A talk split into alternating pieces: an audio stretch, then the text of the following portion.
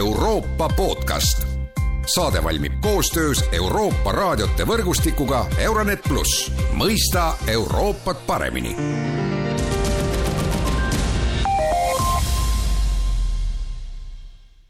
tere taas kuulama Euroopa podcasti, Slovakkia valimised on läbi ja võitnud on euroskeptilised ja venemeelsed jõud.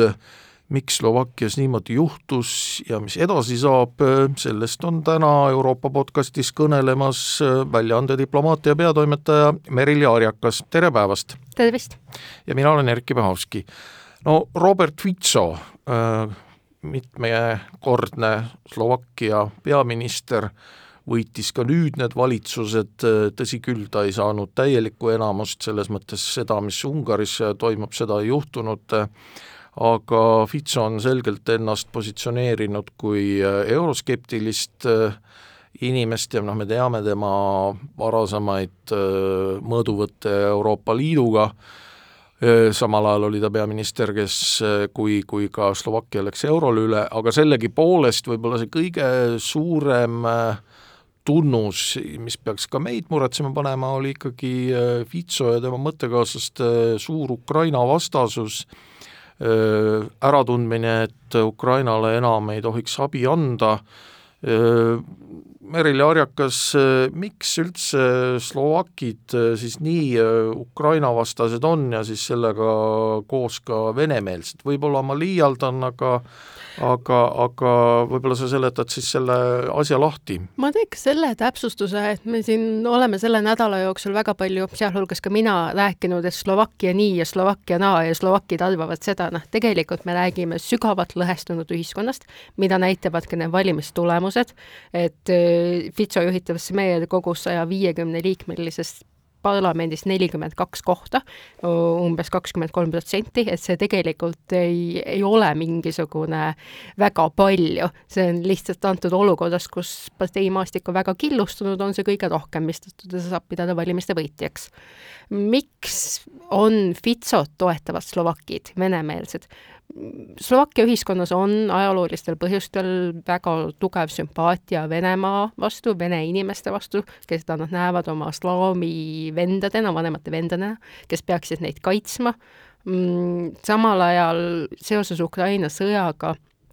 ja meenutades, et enne Ukraina sõjale eelnes koroonapandeemia, eelnes elektrihindade tõus, mis ei ole alla tulnud, et eh, mis tähendab, kõik on kokku toonud väga suure elukalliduse tõusu. aga seda ja, juhtus ka mujal ju. seda juhtus ka mujal, aga Fitso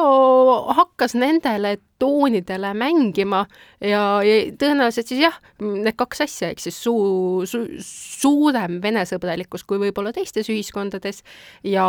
väga suur valeinformatsiooni levik, mille tõttu on ka väga väike usaldus riigi institutsioonide suhtes, et kui esile kerkib selline populistlike sõnumitega juht, kes on selline kõva käe poliitik ja kes saab öelda, et vaat kui mina olin peaminister, siis läks majandusel hästi. Ja pärast meid on olnud olnud viis aastat kaost, mis noh, faktiliselt on täiesti tõene, Slovakkias ongi olnud viis aastat kaost, et siis ta, ta suutis nagu nendele oma oma sõnumitele nii hästi ära mängida. Ja loomulikult aitas kaasa ka lihtsalt see, et natuke nagu ka Trump on ta selline poliitik, kes saab nii palju meedia tähelepanu, et ta on lihtsalt ta on, on nii karismaatiline ta on karismaatiline, ta on, ta on kohal, ta ärritab, ta, sama teeb meie meedias käivad läbi mingisugused Fitso ja tema toetajate sõnumid selle kohta, kuidas Ukrainas on fašistid, kes Luganskis, Donetskis hakkasid inimesi pommitama. et noh, et see on selline asi, mis klikib ja me teame, noh, et siis meedia jookseb selle järele, sellepärast et see pakub tähelepanu. sotsiaalmeedias on Fitsol kõige suurem järgijaskond Slovakkia poliitikutest, et noh, et seal on erinevad põhjused, mis kõik hakkasid omavahel koos mängima või, või koos toimima selleks, et meil on selline valimistulemus, nagu me lõpuks saime. Slovakkias on vist ka ikkagi suhteliselt palju Ukraina põgenikke. ma eile vaatasin, see oli kolmsada viiskümmend viis tuhat, et et kas see arv on nüüd liialdus või, või no igal juhul ju Slovakkiasse on tulnud palju Ukraina põgenikke, ütleme siis niimoodi meil on natuke erinevad arvud, aga need arvud, mis mina sain, oli see, et miljon inimest on Slovakkiast läbi käinud. läbi käinud. jah, ja, ja et sada tuhat inimest, kes on esitanud äh, kaitseavalduse, see Ukraina põgenikele pakutav Euroopa Liidu kaitsemehhanism. võimalik, et seal on terve hunnik ukrainlasi, kes ei ole sellist avaldust esitanud ja keda selle tõttu selle, selle arvestuse sisse ei loeta. et seda, et et me tegelikult ei tea, kui palju Ukraina põgenikke on ühes või teises riigis ja need numbrid on omavahel vastukäivad, sellepärast et küsimus on ka see, et keda pidada põgenikuks. kas inimene, kes lahkus oma kodult kahekümne teisel veebruaril, on põgenik või mitte, noh, mõne definitsiooni järgi on, mõne definitsiooni järgi ei ole ja meil on need vastukäivad definitsioonid, aga noh, see selleks. põgenikke seal on kohe algul Slovakkia palus ka rahvusvahelist abi näiteks UNICEF-ilt, et anda nende põgenike perekondadel, kes enamasti olid ju lastega perekonnad, et anda neile toetust, et suuta neid integreerida koolisüsteemidesse, väga paljud nendest jätkuvalt õpivad tegelikult Ukraina koolisüsteemi järgi virtuaalselt, sellepärast et Slovakkia ei suuda neile niimoodi pakkuda mingisugust omakeelset õpet või vastu võtta, et see on probleem ja ja Fitso siis, kui tulles tagasi oma eelmise küsimuse juurde, et ta kindlasti võttis need põgenikud ja mängis nende sellele pahameelele, mis on teatava osa elanikkonnal, et mingeid asju nüüd antakse põgenikele meie arvelt või et tulevad siia mingisugused inimesed, saavad igasuguseid hüvesid ja, ja see tuleb lihtsalt Slovakkia rahakotist. Aga noh, küsimus on, et mida siis nende põgenikega teha ja, ja noh, kui Fitso peaks nüüd saama peaministriks, kas siis on reaalne, et ta hakkab neid põgenikke Ukrainasse tagasi saatma? sellele küsimusele ei jään mina vastuse võlgu, see, ma ei tea, kui, kui võimalik see oleks, arvestades Euroopa Liidu ja, suur kisa tuleks ju suur Euroopa Liidu poolt, Euroopa Liidu poolt, kes kindlasti paneks sellele käe ette kui Fitso saab peaministriks, sellepärast et seal on ka see tärn, et ega me tegelikult täna ei saa sellest sada protsenti kindel olla. Äh, sellest tahakski rääkida, et, et siin on nüüd ju räägitud igasugustest koalitsiooni võimalustest, et et Smeer, Vitso juhitud partei sai umbes kakskümmend kolm protsenti, seda on ju selgelt vähe, et äh, moodustada valitsus ja, ja järelikult on vaja tekitada koalitsioon. no nii nagu Eestis, eks ole et ja siis teisipidi nii-öelda Fitso vastased, ka neil on võimalik kokku panna koalitsioon ja saada peaministrikoht iseendale, et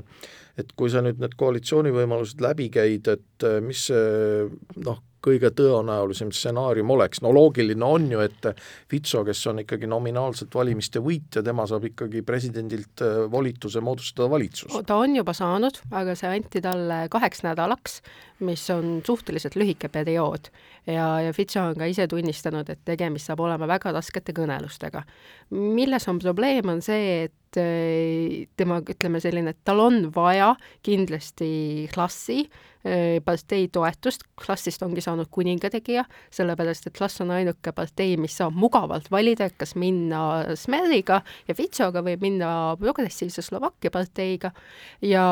klassijuht äh, Petr Pellegrini, kes tegelikult paar aastat tagasi lõi Fitsost, Fitso parteist sisetülide tõttu lahku, on öelnud, et oi, ikka see on väga keeruline, sellepärast et meile ei meeldi see kolmas partei, kes peaks sinna valitsusse ka tulema, kes on väga, väga madurahvuslik erakond mina ei oska sulle öelda, et kas see on praegu Peter Pellegrini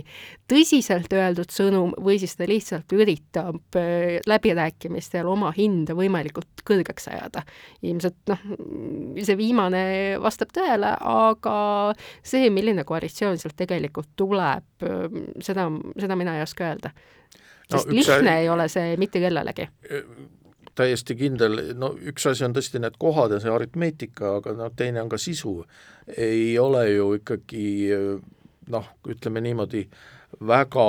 prognoositav või siis väga kindel see, et Fitso saab näiteks, kui ta saab peaministriks, et ta saab äh, oma tahtmise kõikides küsimustes, et ilmselt suure tõenäosusega ta peab ju leevendama mingisuguseid seisukohti, kuskilt vastu tulema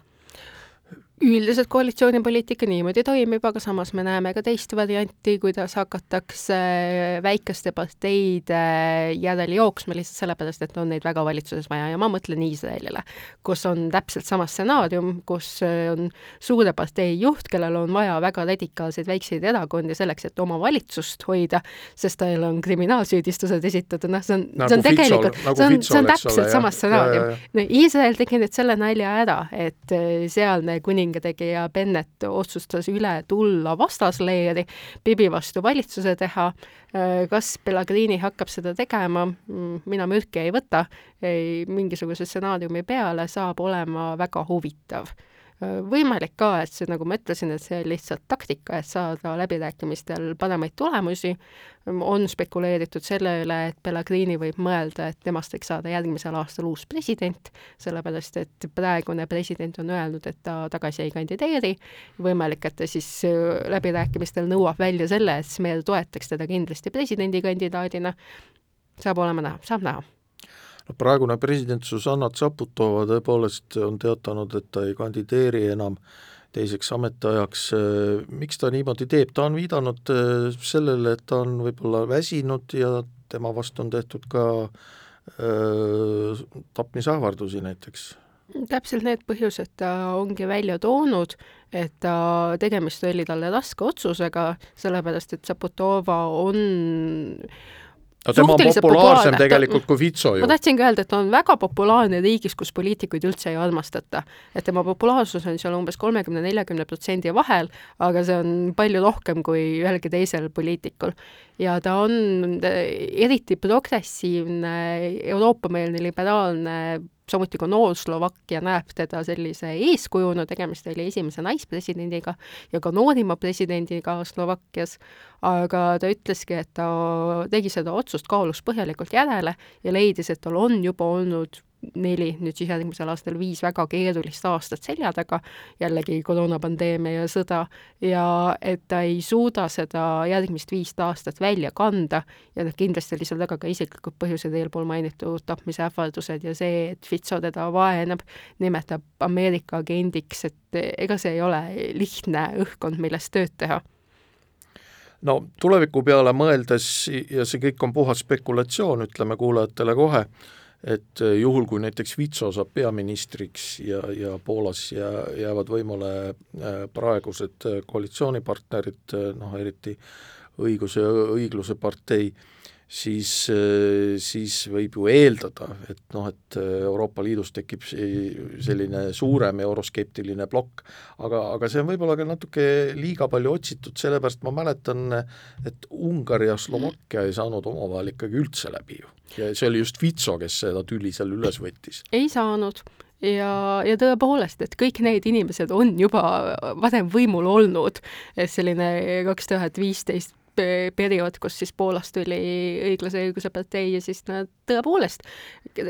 migratsioonikriisi, kahe tuhande viieteistkümnenda aasta migratsioonikriisi ajal olid sellised eh, väga tugevalt vastu rände, rändekvootidele või nendele pagulaste kvootidele, et äh, samas ähm, ei taha Orban olla isolatsioonis ja ka Fitso ei taha olla isolatsioonis. Nad vajavad ikkagi liitlasi. Nad äh, mõlemad saavad aru, et neil, kui nad seljad kokku panevad, et siis neil on rohkem kaalu. sellepärast, et Ungari on olnud väga ebamugavas olukorras viimase aasta jooksul, kus nad on tõepoolest olnud oma Vene-sõbraliku Ukraina vastase poliitikaga praktiliselt üksi ja võib eeldada, et noh, et Orban hakkab tegema igasuguseid käike, ta juba enne valimisi väga tugevalt toetas Fitsot ja nimetas teda heaks kandidaadiks. Ja ka nüüd kohe esimese asjana hakkas Fitsot õnnitlema valimiste võitmise eest, et ta üritab neid suhteid niimoodi kas just üles soojendada, sest ma ei nimetaks neid ka väga halbadeks, aga et ta kindlasti, tema paneb oma panuse selle peale, et Fitsost saab tema toetaja no saame näha, selles mõttes siin tekib ju küsimus, et kui me vaatame nii Orbani retoorikat kui ka Fitso retoorikat, mis on ikkagi väga selline natsionalistlik, siis eh, noh, tekib ju see küsimus, et kuidas nad nagu omavahel hakkama saavad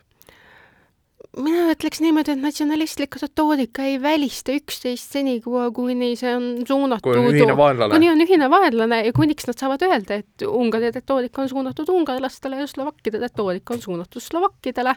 jällegi seesama, et noh, et teeme siin mitmeid võrdlusi Iisraeliga, aga see, kuidas kõik need antiliberaalsed, illiberaalsed režiimid kiidavad suure hooga seda, mida Iisraeli valitsus on teinud ja samal ajal kasutavad antisemistlikke äh, väljendeid ja sõimusõnu George Sorose vastu, et see ei ole nende jaoks ka üldse mingisugune vastuolu. Jah, no ilmselt saame näha, mis siis Slovakkias toimuma hakkab, aitäh, Merili Arjakas Euroopa podcasti tulemast, kõike head ja kuulmiseni!